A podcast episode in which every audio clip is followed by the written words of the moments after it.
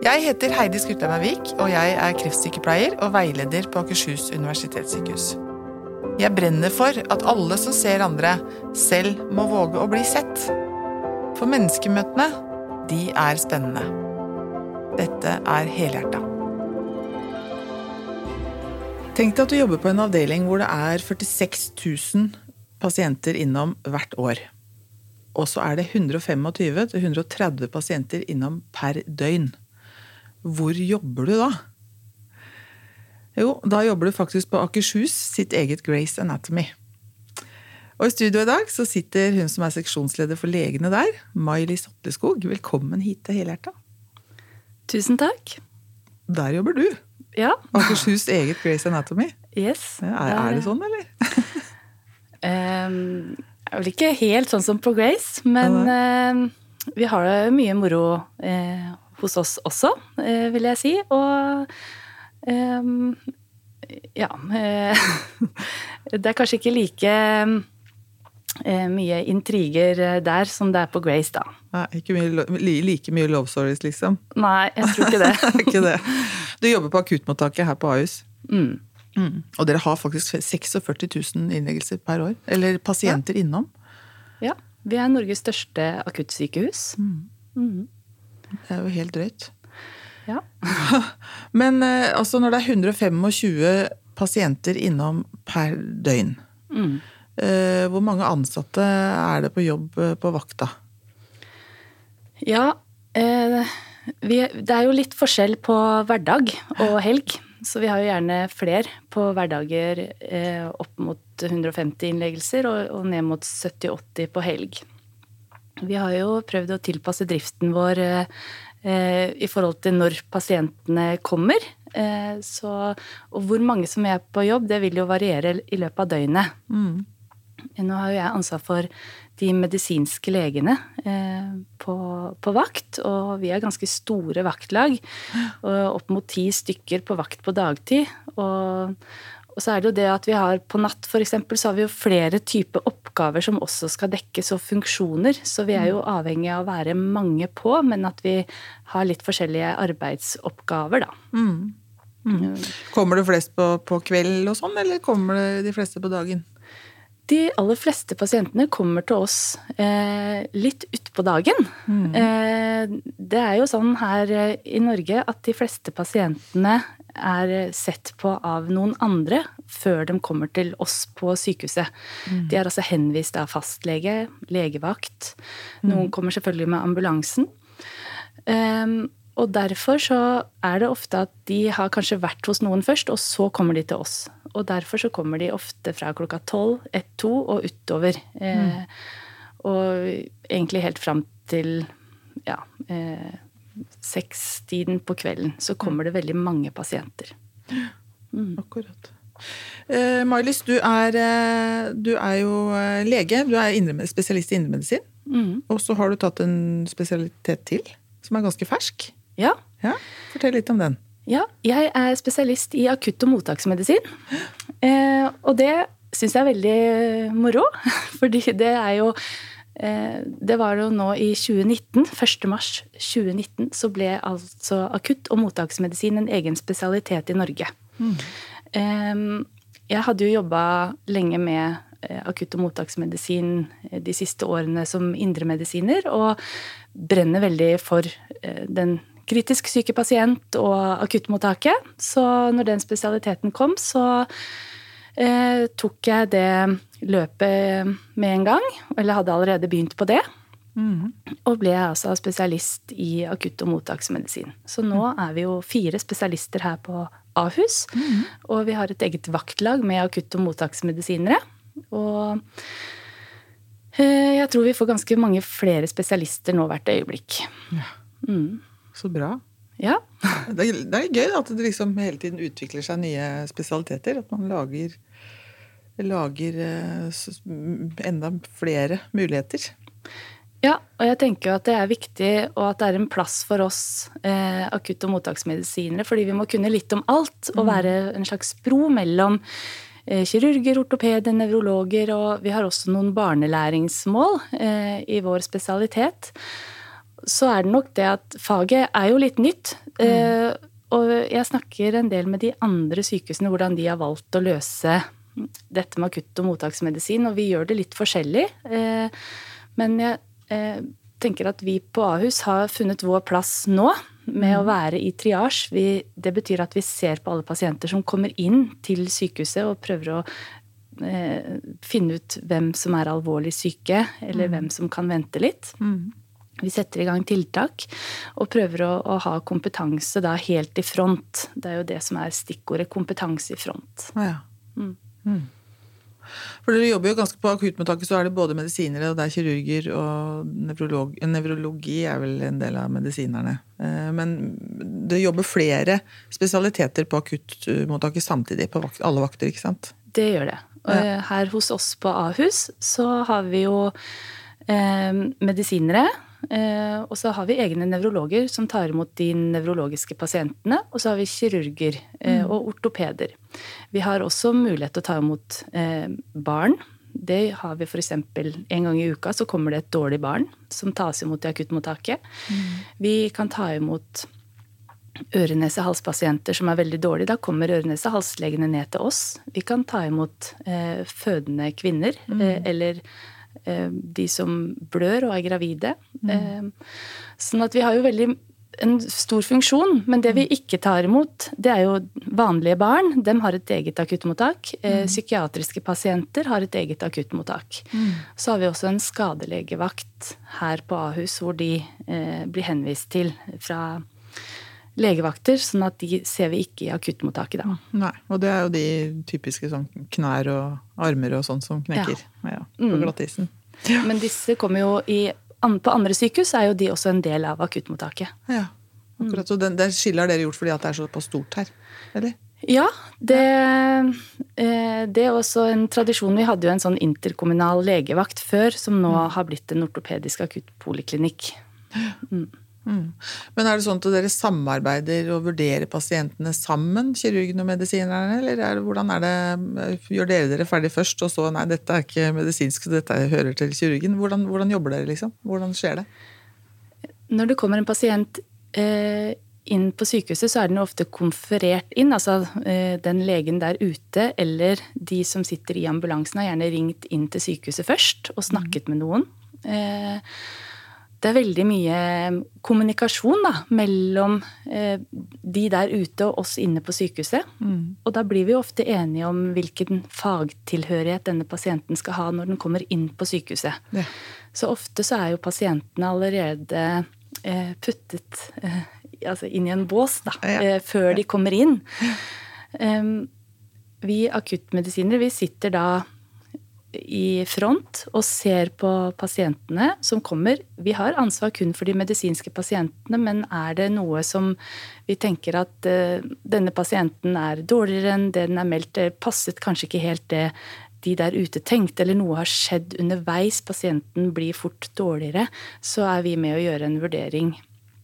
Og kanskje dem har fått feil tilhørighet, og da må mm. vi jo hjelpe de inn i rett tilhørighet. Mm. Mm. Så trygt. ja. ja. Så bra.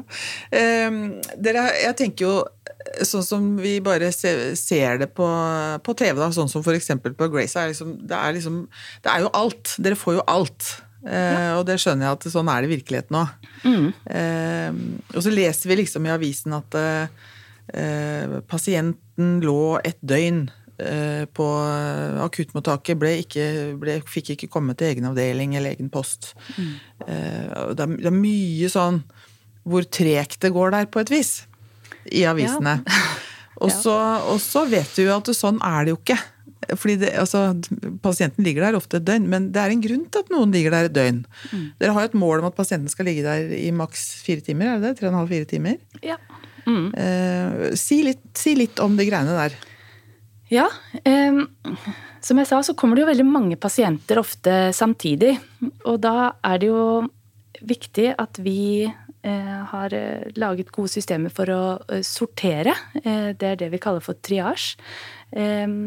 Vi har, eh, på sykehuset så har vi et eget validert sånn system for å triasjere pasienter som heter Manchester Triage. Og da ser vi på alle pasientene når de kommer, og så gir vi dem en hastegrad. Og det er jo klart at Hvis du kommer til oss og får en lav hastegrad, så er det jo alltid noen som har en høyere hastegrad foran mm. deg. Og det kan da oppleves som veldig frustrerende å måtte vente. Eh, og det er noe vi sliter mye med, fordi pasientene kommer mange samtidig. Og når det er mange som er der samtidig, så er det sannsynligvis også mange som er veldig dårlig samtidig. Og vi må jo hele tiden eh, prioritere og gjøre noen valg, eh, sånn at de det haster mest med, tas først. Mm. Og det er jo klart at vi skulle jo ønske at vi hadde mulighet til å gi alle eh, hjelp umiddelbart, men det har vi ikke mulighet til. Eh, så er det også sånn at når vi har det mest eh, travelt i akuttmottaket, så er det gjerne også ganske fullt på sengepostene. Mm. Eh, så det er vanskelig også å få pasienter eh, som kunne gått til en sengepost opp der, for dem har ikke fått ut de som de skulle skrive ut i løpet av dagen. Så vi har en veldig høy turnover. Mm. Men vi hva skal jeg si, det er, det er, vanskelig å prioritere, og vi ser at uh, pasienter venter lenge. Noen blir også liggende uh, over natta. Og det er jo også et valg vi må ta, for vi tenker at det er det tryggeste for den pasienten å bli der hvor vi har folk til å se på den, istedenfor å flytte de opp på en korridorplass, eller at vi må flytte på andre pasienter. Mm. Så vi gjør jo overveide valg, men ja. det er harde prioriteringer. Det er mm. det. Mm. Mm. Og det som jeg syns er litt viktig å få fram, er jo at de pasientene som ligger et døgn eller 15-16 eh, timer på akuttmottaket, de, de, er ikke glemt. Det er ikke derfor de ligger der. Nei, det er en grunn for at de ligger ja. der, og de blir passa på.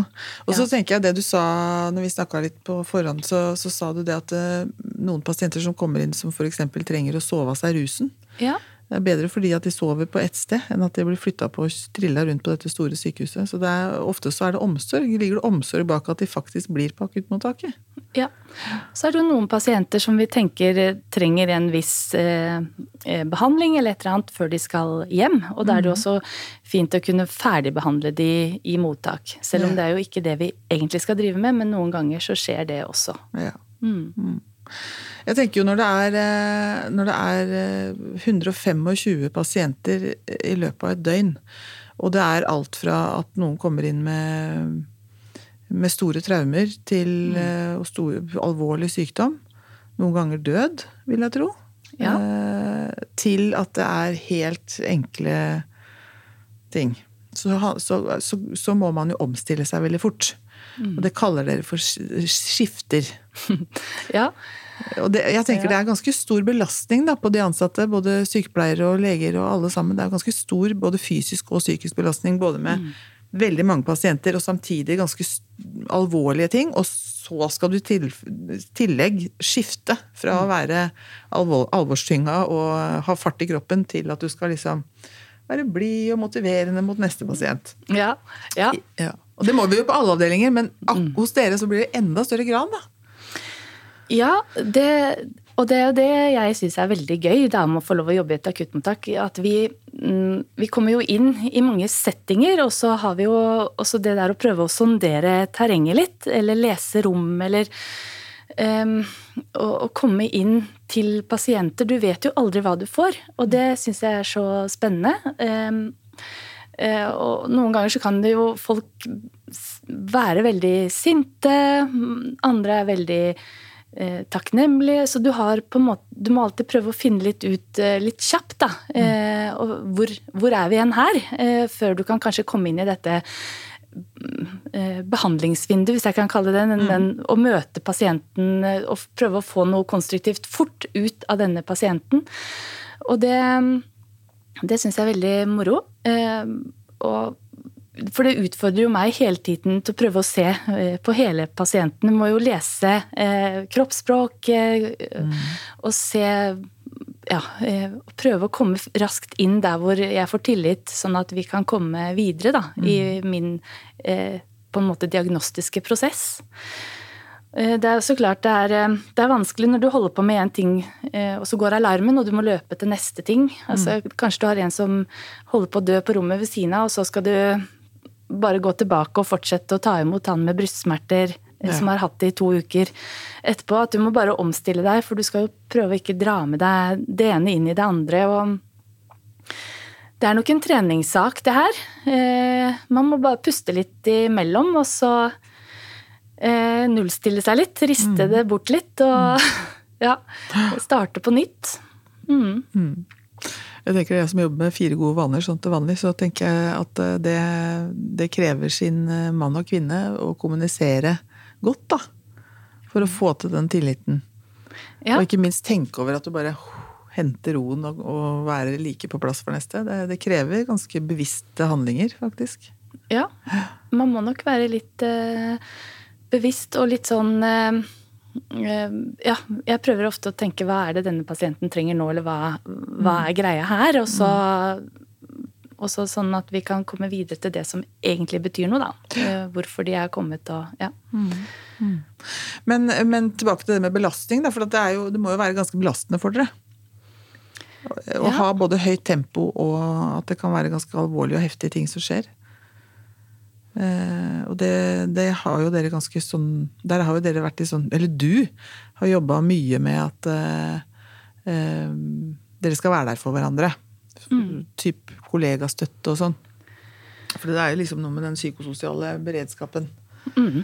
eh, man trenger å ha på et sånt sted. Det har jo du gjort ganske mye med. Fortell litt om det, Marlis. Ja, Um, ja, det er jo sånn at vi eh, Både sykepleierne og legene opplever ganske til tider tøffe ting.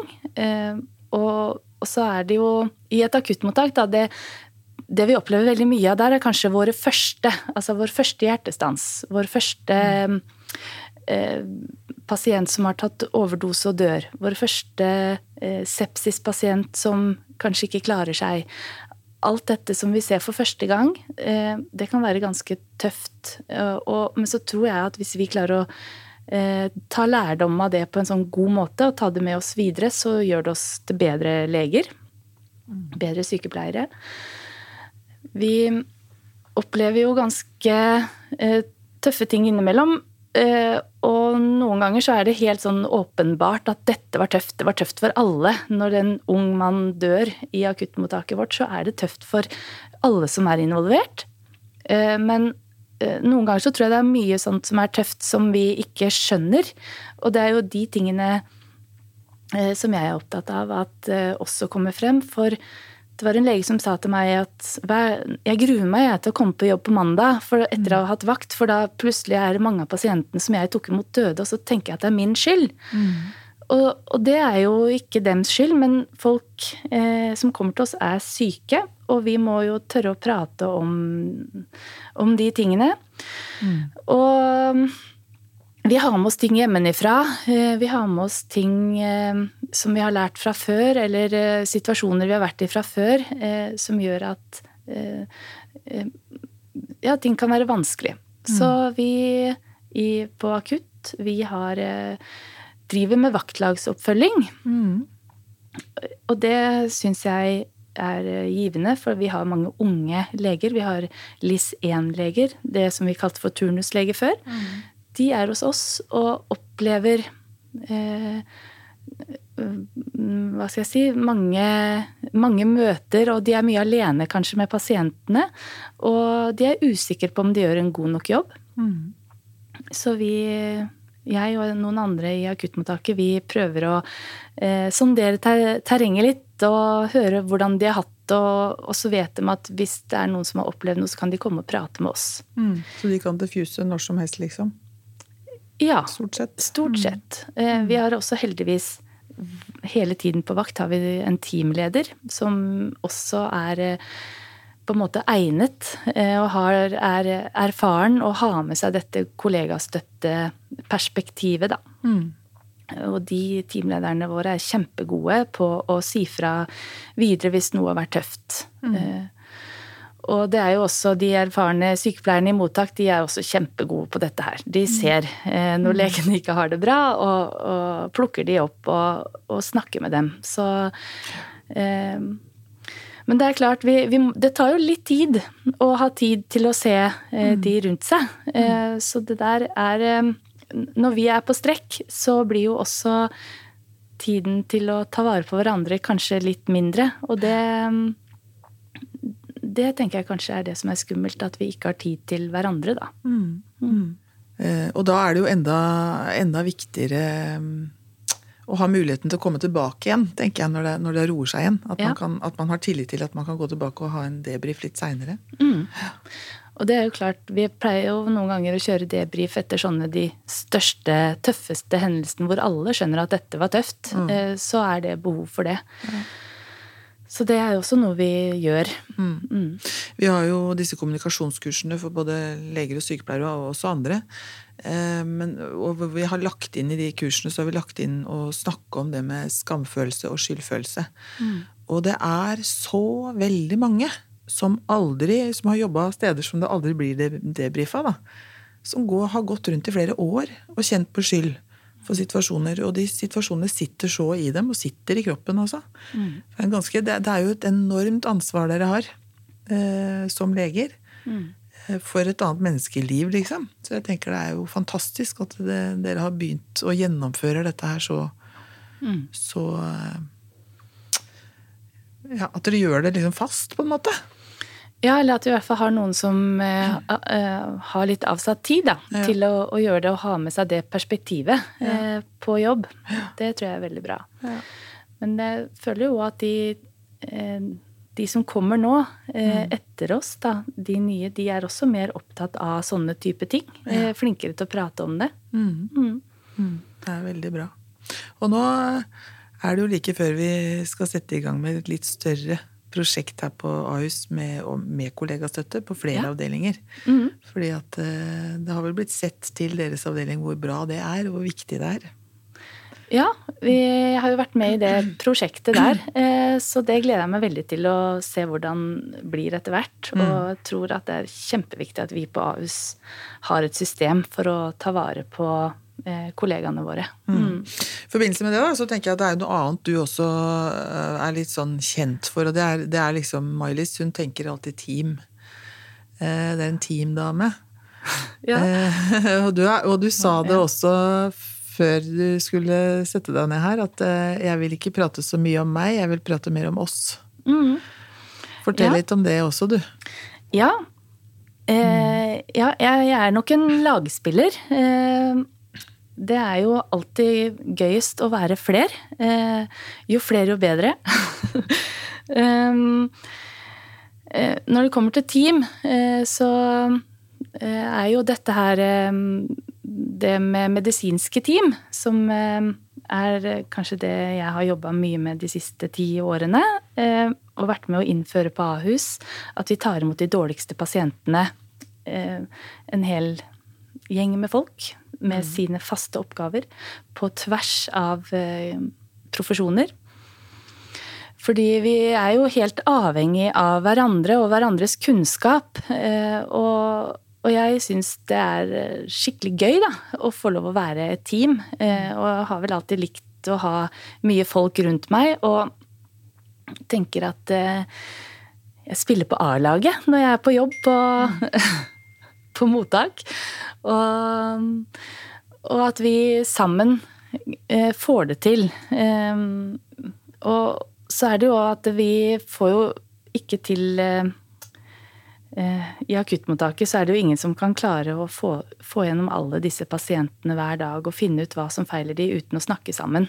Mm. Så for meg så er dette med team helt essensielt i et akuttmottak. Og når vi får det til, og det flyter, og vi har trent på ting, og ting, alle vet hva de skal gjøre, og ting går fort, så er det veldig gøy, da. For det er jo det som er eh, mm. meningsfylt. Mm. Mm. Og den treninga, det er det som heter BEST. Det er best. Ja. Og Eller, ja. i år har dere altså tiårsjubileum. Ja. Gratulerer. Takk. Det er eh, veldig morsomt. Medisinsk eh, team på Ahus er ti år. Mm. Mm. Og det beste står for bedre og systematisk teamtrening. Og det er ja. rett og slett at dere simulerer. Det er riktig. Vi, det er jo en måte vi simulerer hvordan vi eh, tar imot eh, en dårlig pasient. Eh, at, og vi øver på hvordan vi snakker sammen. Mm. Og at vi går inn og gjør oppgavene eh, som vi kan. Så da når vi da møtes, så vet jo alle um, sin oppgave. Mm. Mm. Uh, I episode 54 så hadde vi besøk av en som heter uh, Haukvik. Mm. mm. Janne, kaller vi den bare. Ja. Han, han, han, har vært leder for traumeteamet, så han, han, har forklart veldig mye om hva stimulering er. Mm. Eh, men det er jo både dere som er Det er både et medisinsk team, og så er det et kvinne, eller KK-team for Kvinneklinikken. Mm. Og så er det et PED-team. Riktig. Jeg kom akkurat nå trener pediaterne i dag. Ja. Nå, så jeg kom derfra nå. Ja. Eh, oppe i mottak. Så vi har eh, vi er uh, Først så starta jo kirurgene med sin traumeteam. Og så kom vi medisinerne etter, i 2013, da. Mm. Og nå de siste årene så har vi også begynt å trene på det som du kaller for KK fødeteam. Mm. de har vel trent nå i uh, et års tid snart. Og pediaterne har også trent i over et år. Og de trener der hvor vi tar imot pasientene, altså i akuttmottaket med våre sykepleiere, inne på den stua hvor det skal skje. Mm. Og, og, da trener de på dokker? Vi trener på dokker. Mm. Vi har eh, masse forskjellige dokker. Så nå var det en liten barnedokke der oppe. Ja. Det, er, det er veldig bra å trene, for det gjør jo at de som har trent Det er jo litt skummelt, tror jeg, for andre profesjoner, som fra en pediater, altså en barnelege, å komme ned i, i vårt Eh, store akuttmottak. De pleier jo ikke å være der, men når vi har et skikkelig dårlig barn, så må alle komme dit. Mm. Eh, og da er det jo fint at de har vært der før og vet hva de kommer til, og gjør at det også blir trygt for dette barnet og de pårørende å vite hva som skjer. Mm. Mm. mm. Så vi trener eh, hver fredag. Eh, trener vi i akuttmottaket på å ta imot eh, kritisk syke. Eh, og da bytter vi på mellom traumeteam, medisinsk team, KK fødeteam og et eh, barneteam, sånn som vi har i dag. Vi trener også på det med sånn trombolyse, den hjerneslagsløyfen, og det når vi Og vi trener også på hjertestans. Så vi mm. har mye trening hele tiden. Mm. Mm. Og det gjør jo vel sikkert at alle alle blir mye tryggere på også få fordi da, da, prater dere jo sammen på en litt annen måte. Det er close loop. Close loop, ja. Mm. ja si litt om hvordan dere snakker sammen, da. For det kan, bli, det kan høres ganske voldsomt ut for folk som ikke ja. har vært borti det. Ja. På et team så er vi jo mange personer som står rundt da en pasient. Og vi er jo mange forskjellige profesjoner. Vi har anestesileger, sykepleiere, leger. Vi har um, en radiograf som kommer og tar bilder. Eh, på barneteam så har du vel uh, altså barneleger, selvfølgelig, og på eh, sånn kvinneteam så har de jo gynekologer. Og når alle disse skal jobbe sammen, så er det jo viktig at eh, den som er teamleder, det er jo den som eh, skal prøve å samle trådene mm. og kommunisere i teamet. Fordi alle er så fokusert på sine oppgaver. Sånn at vi trenger det at én holder i alle trådene. Og da har vi en lege f.eks. som undersøker eh, brystet og lytter på hjertet. Og da når den sier sånn klare hjertetoner, så kan teamleder si 'klare hjertetoner tilbake'. Mm. Så vet alle i teamet at det er oppfattet, og at, uh, hva vi snakker om. Mm. Så det er jo noe med å gi uh, Få masse info, for du vil også kanskje få en, en sykepleier som uh, har telt hvor mange ganger man puster. Og mm. da kan det også tas imot av teamleder og kommuniseres ut til teamet. Mm. Så vi hele tiden prøver å Eh, hjelpe teamet til å være på samme sted. Mm. Mm. Og så er det en rekkefølge på de, hvem som skal si hva, ikke sant? sånn at ikke alle roper 'klare lunger' ja. og Ja. ja. Er, vi, har, vi kjører ABCDE-prinsippet. Ja. Så vi begynner med det farligste først, det mm. som kan drepe oss først, med luftveier. Så vi begynner alltid på A. Og dette er jo hva skal jeg si, vi, vi, må jo ha en uh, måte å jobbe på som er likt for alle, og som alle er enig i. Ellers så glemmer vi noe den klokka to på natta og når folk er trøtte. Så vi må gjøre det vi pleier å gjøre hver gang. Mm. Mm. Mm. Si, de, si, de, hva alle sammen står for. A, det er luftveier. Ja. Um, og så B, så er det jo altså mer luftveier og eller, ja og lunger og de tingene. Og så har vi jo C, som er eh, eh, dette med blodtrykk og, og Sirkulasjon, liksom. sirkulasjon, og da eh, så, Og det er jo ofte der kanskje eh, det problemet Vi leiter jo etter om folk blør, på en måte, da. Eh, og så er det det som er eh, mer med våkenhet og bevissthet. Og så er det E som er exposure, da, at vi må se på hele pasienten. Og vi må ta temperatur, vi må snu pasienten og se på ryggen, f.eks. At ikke det er en kniv eh, et sted der, eller masse kanskje plastre med um, sånne smerteplastre som vi har sett noen ganger. Så, så det er eh, dette vi går igjennom hver gang, da. Og så har vi jo selvfølgelig på de forskjellige bokstavene forskjellige ting vi skal gjøre og, og rapportere. Og da har, eh, vet alle i teamet hvilken bokstav de skal eh, gå inn og se på. Mm. Eh, kirurgene, de, de har, eller traumeteamene, de har elleve personer i et sånt team. Eh, Hvor mange har dere? Mm. Veit du det? Ja, det vet jeg. Jeg må bare telle. Vi har to sykepleiere. Vi har to eh, anestesileger. Vi har en anestesisykepleier. Vi har to medisinske leger og en eh, LIS1-lege. Og så har vi en radiograf. Så vi har ni stykker. Mm. Mm. Trygge, trygge Og, er saker, jo, altså. ja, og fem forskjellige profesjoner, da. Mm. Med fem forskjellige vaktlag. Vi er eh, Ja. Men vi funker sammen, da.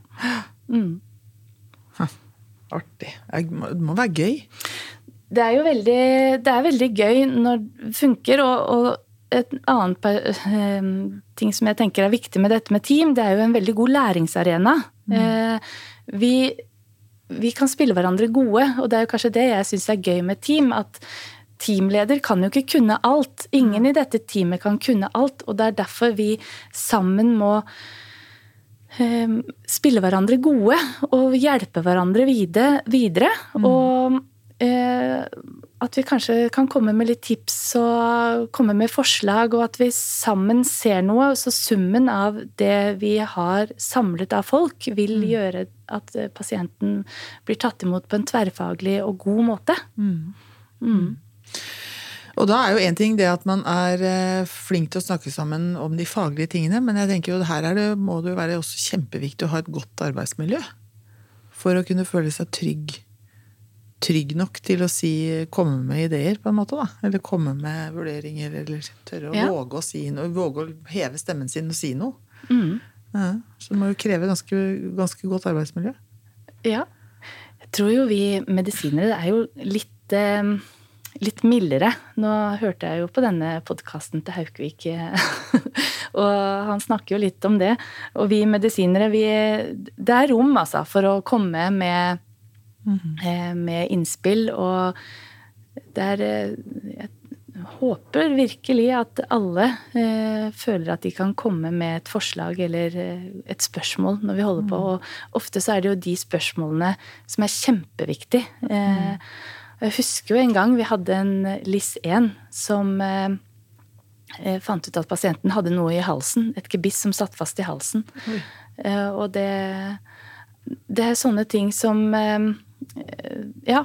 eh, det var, det var veldig bra at noen turte å stille spørsmål. Mm. Ja, det er bra. Det er viktig. Det er viktig. Alle er viktig. Det er noe med det. Eh, dere får jo ikke bare de som har vondt i hjertet eller, eh, eller har hjerteproblematikk eller andre alvorlige sykdom. Dere får, dere får også Du sa jo at psy- psyk, psykiatrisk avdeling har sitt eget akuttmottak. Men dere også får jo en del eh, rus og psykiatri inn, inn hos dere. Ja. Hvem, hvilke typiske pasienter er det? Vi, vi får veldig mange som eh, tar overdose, eller som har forsøkt å ta livet sitt, inn til oss. Det er ganske mye av vår hverdag. Jeg pleier å eh, tenke at vi, det er to grupper av pasienter eh, innenfor den kategorien, og det er jo det ene er de som eh, kanskje har, altså har det så vondt inni seg at de tar en overdose, eller Mm. gjør noe. Om det ikke bare er piller, men at de gjør noe som Altså, de, de prøver å ta livet sitt. Mm. De kommer alltid inn til dere først. de kommer inn til oss. Ja. Mm. Ofte så må de jo da få behandling, Mm. eh, om det er motgift, eller om det er eh, støttende behandling, altså mm, annen type motgifter som vi gir. Eh, så de er én gruppe, og så har vi de rus eh, De som har et rusmisbruk, som har vært uheldige å ta en overdose. De har vi også en del av. De hjelper jo selvfølgelig også. Så der prøver jeg å sondere litt hva slags type pasienter, eh, pasient er det vi har. For det er jo da noe med veien videre etter vi er ferdig med de, om de skal inn i psykiatrien, eller om de skal til rusavdelingen eh, vår her på Ahus. Men er det mange Det er også noe som står liksom litt i avisene, og som er litt sånn som folk tenker. At eh, de, man kommer inn og har prøvd å ta livet sitt, og så blir du behandla sånn litt på akuttmottaket, og så blir du sendt rett hjem. Er det mange som går videre i systemet, eller hvordan, og, og hva, gjør, altså, hva tenker dere når dere sender det hjem? Er det noen som passer dere på at det er en knagg, at det er noen som tar vare på når de kommer hjem, eller hvordan jobber dere med de? Ja. Dette syns jo jeg at vi på Ahus er eh, eh, Vi er gode på det, eh, syns jeg. Men eh, jeg vil, skjønner jo at det er mange som kan tenke at vi lurer på hva vi driver med noen ganger.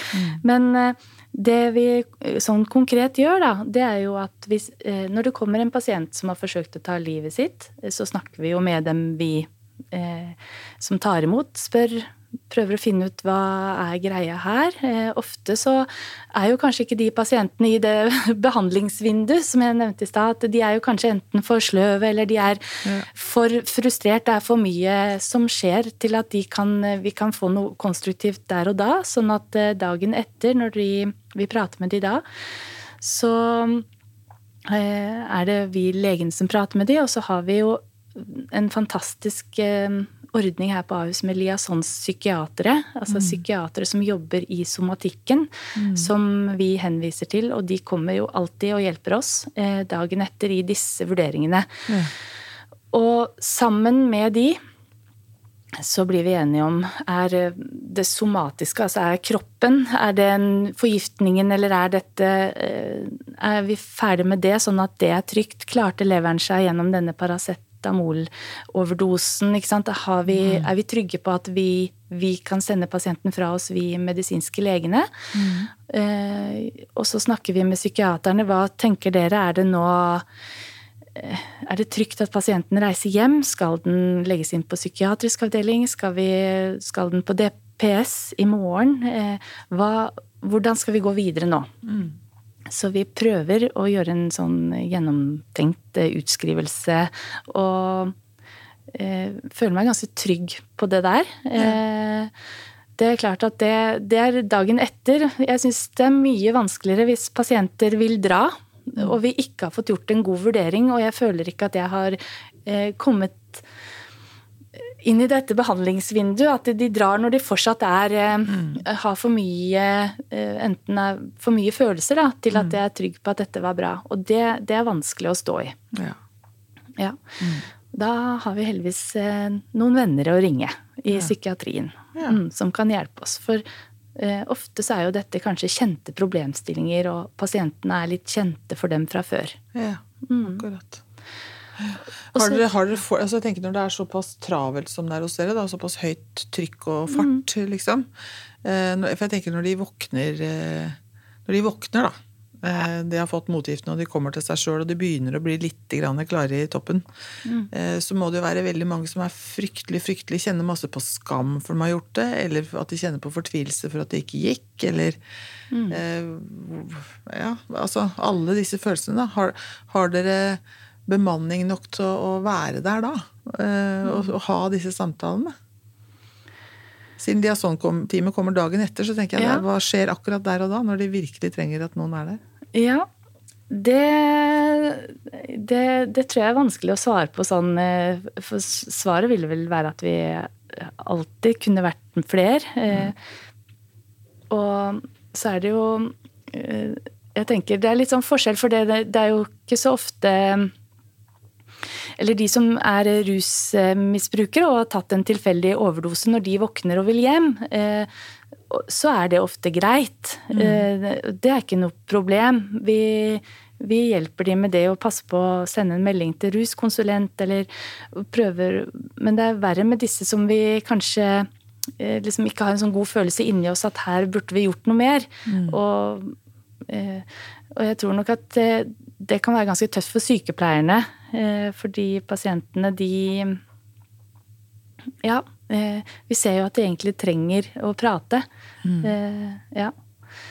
Og måtte vente til dagen etter. Men ofte så er det lurt å vente litt også, for ting roer seg jo ofte litt. Så jeg mm. føler at dagen etter så får vi ofte en ganske god samtale. Mm.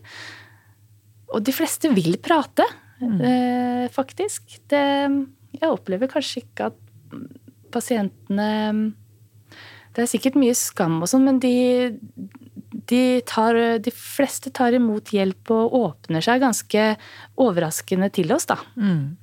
Det er vel ofte der det ligger. At de mm. trenger noen å snakke med. De trenger noen, ja. Mm. ja. Uh, når det kommer til det, da, så tenker jeg også dette med pårørende. Mm. Uh, har pårørende lov til å være med inn, på en måte? Altså, nå er, jo, er vi jo ikke nå er vi ferdig med pandemien. Ja. I akuttmottaket. Ja. Forholder dere til mye pårørende? Det er mye pårørende. Det er det. Vi har jo Det er lov å ha med pårørende. Uh, i de arealene i akuttmottaket hvor vi har mange pasienter samtidig, så kan vi jo ikke ha pårørende sammen med pasienten. Og det skjønner vi at oppleves som vanskelig, men vi har jo noen sånne flersengsstuer og rom mm. hvor vi ser på mange, og der, eh, der kan vi jo ikke ha mange pårørende i tillegg. Vi prøver jo så langt det lar seg gjøre å få folk inn på rom, men mm. Eh, det er ikke alltid så lett. Og da må pårørende vente på venterommet eller nede i glassgata. Mm. Mm. mm.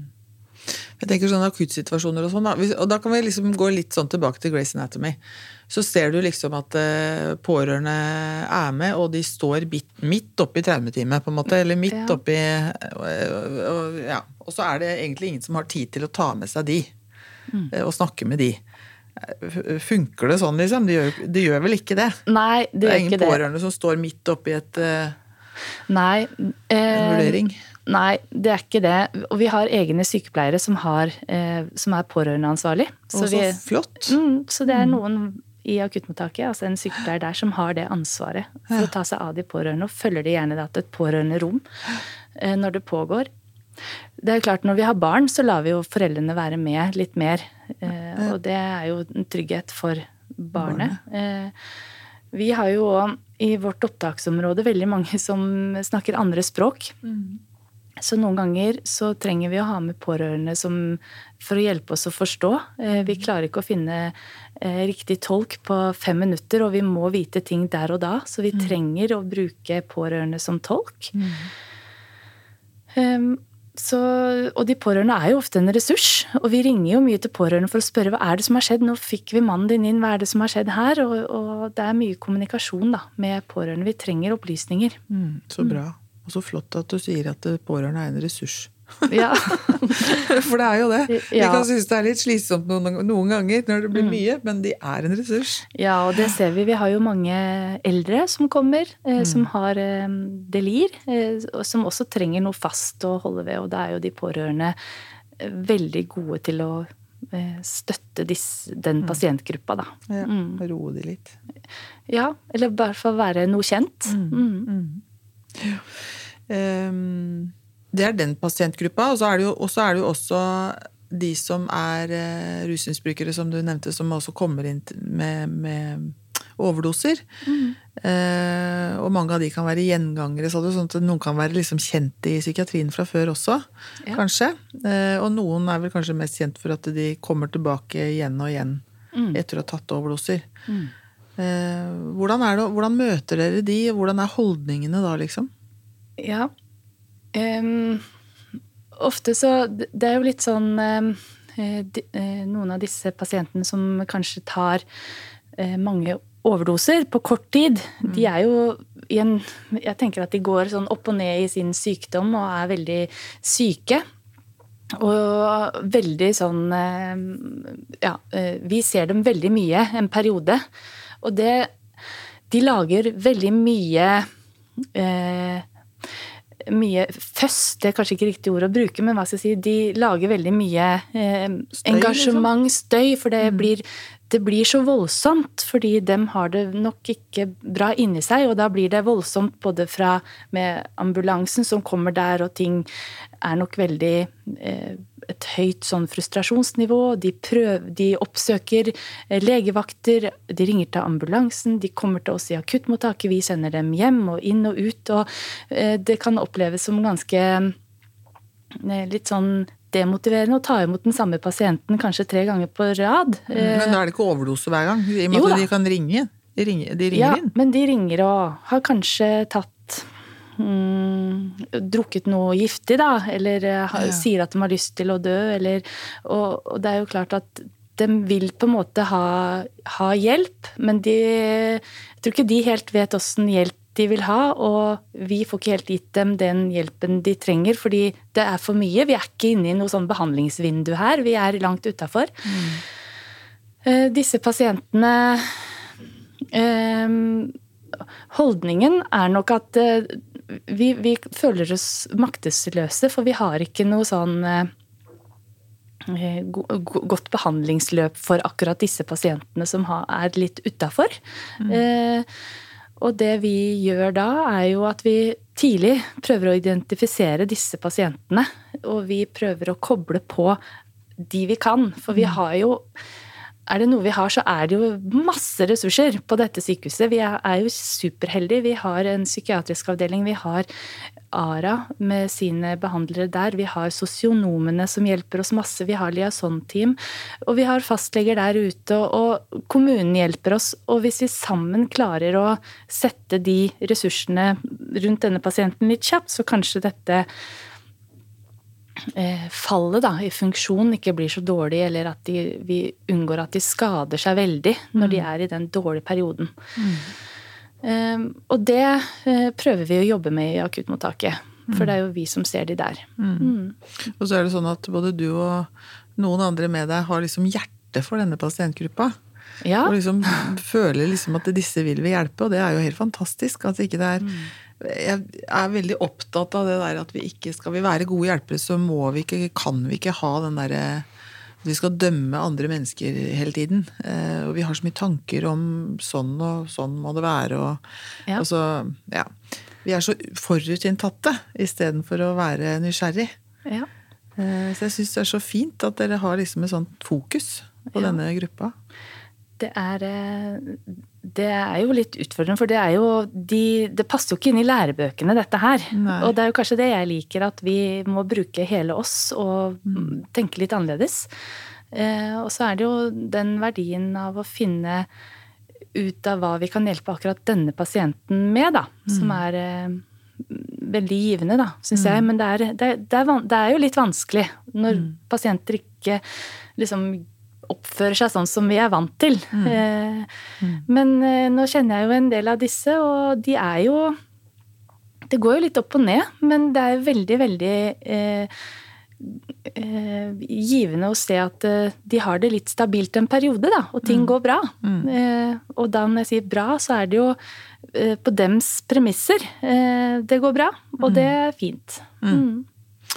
Og så tenker jeg bare det at bare det å komme inn eh, og møte en lege eller sykepleier som har eh, respekt i blikket, eh, og ikke den derre litt sånn avvisende ah, 'herregud, er du her igjen?' Eh, Det uttrykket i ansiktet, da. Ja. At du møter noen som faktisk eh, har et godt, empatisk ansikt. Det må jo være ganske godt. ja. Ja. Ja da, nei, det, og det er jo mange, er mange mm, gode sjeler, og, og jeg syns jo at de Det kan jo være i eneblikket så kan vi også krangle, for vi må jo sette grenser. ja. Eh, og, og tørre å sette grenser og stå litt i det, det har jo Tenker jeg også at pasientene de liker det litt også. Ja, ja. ja. Det er empati, det å sette grenser. Ja, det er det.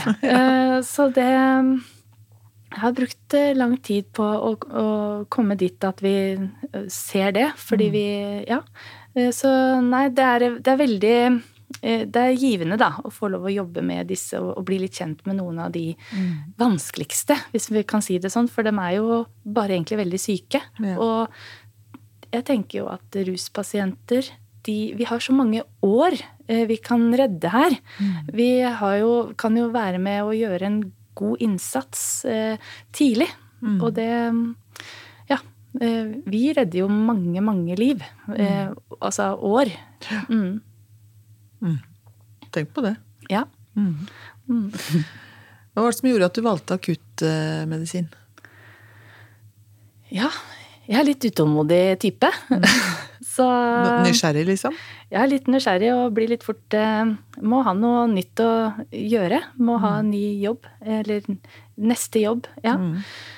Så jeg har eh, Det var jo litt tilfeldig at den akutte mottaksmedisin at det var det det skulle være. Men jeg, eh, jeg ville vil jobbe med dårlige pasienter. Jeg vil jobbe i det miljøet hvor det skjer noe hele tiden. Jeg liker at eh, Liker høyt tempo. Mm. Og jeg liker Jeg gleder meg til å komme på jobb hver dag i akuttmottaket. Syns det er veldig godt sted å være. Så bra. Jeg ser det på deg. Du Ja. smiler som bare det. Hva var det som gjorde at du ble lege, da? Nei, det tror jeg var litt tilfeldig, faktisk. Jeg hadde tenkt å bli lærer. Mm. Og så tok jeg Så måtte det jo passe inn med alt annet eh, som jeg ville drive med, så da tok jeg noe som het eh, grunnfagmedisin. Og så har jeg drevet mye med idrett og sånn, og tenkte at kroppen er jo veldig spennende. Og da måtte jeg bare studere medisin. Så gjorde jeg det. Og har egentlig bare fulgt lysta og gjort det jeg Ja, jeg tenker skal jeg holde på med noe, så må jeg gjøre noe jeg liker. Og da er liksom det som har vært eh, motivasjonen min underveis, da. Så gøy. Hva slags idrett eh, driver du med? Du driver fortsatt med idrett, gjør du ikke det? Ja. Jeg spiller, jeg spiller håndball, Ja.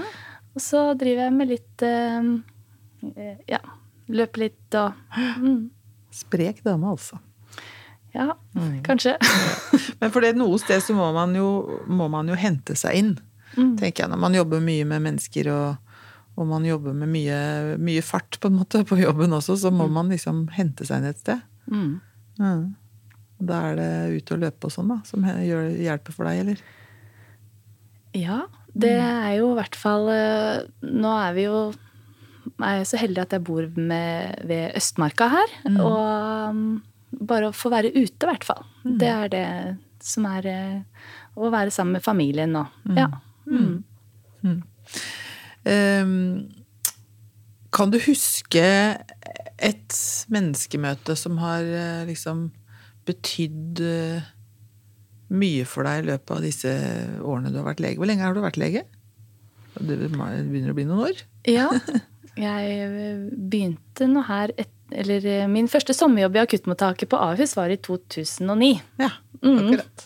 Så det har blitt noen år. 14 år siden. Ja. Da var jeg student. Så jeg har liksom alltid kommet tilbake til akuttmottaket. Ja. Mm. Kan du huske et spesielt menneskemøte som har liksom vært, eh, betydd noe spesielt for deg, eller som du kan huske? Dette har jeg ikke forberedt deg på, så det er liksom, liksom at det bare kommer Hva er det som kommer for deg, liksom? Ja. Em, det er veldig mange sånne menneskemøter. Em, men da tror jeg heller vil si sånn Det her er eh, Jeg husker veldig mange av mine første, mine første hjertestans. Eh, jeg husker første gang det var, eh, jeg hadde en pasient som døde, som jeg hadde behandlet på sengepost. Jeg husker den første unge transplanterte pasienten jeg har behandlet. Så jeg husker mange av disse mine første, hvis jeg kan si det sånn. Eh, eh, og, og på en måte prøvd å Altså første gangen jeg følte meg lurt, hvis jeg kan si det sånn, at jeg eh, Jeg trodde jeg eh, jeg trodde jeg hadde kontroll, men så hadde jeg ikke det, fordi pasienten hadde tatt mye mer eh, tabletter enn den sa. Eh, Og hvordan på en måte alle disse De, de der første eh, hendelsene, da. Eh, og så har det jo kommet andre etterpå, så har man jo lært av de. Og det er kanskje det jeg eh, vil si, og tenker ofte på når jeg er heldig nå og får lov å lære opp eh, nye i akuttmottaket, at prøve å gi dem en god førsteopplevelse, da. Ja. Ja. Mm. Så bra. ja. Da du var eh, 18 år, May-Lis, så var du sikkert like utålmodig og like nysgjerrig. ja. Hvis du skulle, hvis du skulle gi deg sjøl et lite råd tilbake til da du var 18 år, eller et lite tips, hva hadde May-Lis 18 år trengt å høre? Jeg tror eh, det, Dette har jeg jo tenkt på, da, for det vi hadde du forberedt meg på. Eh, nei, jeg tror det der å, å fortsette å følge lysta, gjøre det man liker. Eh, og jeg eh, Man får til det man vil. Eh, jeg får tid til nesten alt jeg vil. Eh, hvis jeg bare vil det nok, Ja. så får jeg det til. Eh, og, og så er det jo det at det Jeg vet ikke, men jeg tror jeg ville sagt til meg selv at det lønner seg å jobbe hardt. Eh, og stå på, og at man får noe igjen for det. Eh, mm. Det var et kjempegodt råd, faktisk. Var det det? Ja. Det tror jeg mange trenger å høre. ja. Både 18-åringer og 48-åringer. Mm. Det lønner seg Det lønner seg. å jobbe hardt. Eh, Maris, hvorfor skal folk begynne å jobbe i akuttmottaket? Jeg tenker at vi eh, Vi tar jo imot så mange pasienter som De, de er jo ganske redde, da. Folk som kommer til oss. Så vi må jo Og i tillegg til at vi forvalter jo veldig mye ressurser og eh, er med på å gjøre en forskjell. Eh, og oppleves som veldig meningsfylt. Og, og gi dem eh, Jeg er jo litt sånn serviceinnstilt, så jeg tenker at det, er, det skal være fint da, å komme til oss, og at vi skal ha den kunnskapen og tryggheten, sånn at de som kommer til oss, føler seg trygge. Og det, den servicen liker jeg å gi, da. Mm. Så er vi en, Altså, de som jobber der, er Det er bra folk. Det er A-laget. Det er eh, Ja, om vi vil vel. Mm. Dere er gode. Ja, det er eh, Det er Sammen er vi gode. Ja. Mm. Og det tror jeg skal få være siste ordet. Tusen takk for at du kom, Maris. Takk. Veldig veldig hyggelig at du kom Ja. hit helhjerta. Så syns jeg vi skal huske det. Sammen er vi gode. Mm.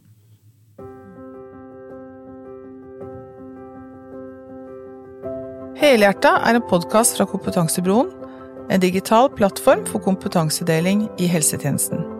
Personer som blir omtalt i pasienthistorier, er enten anonymisert eller har gitt samtykke til deling.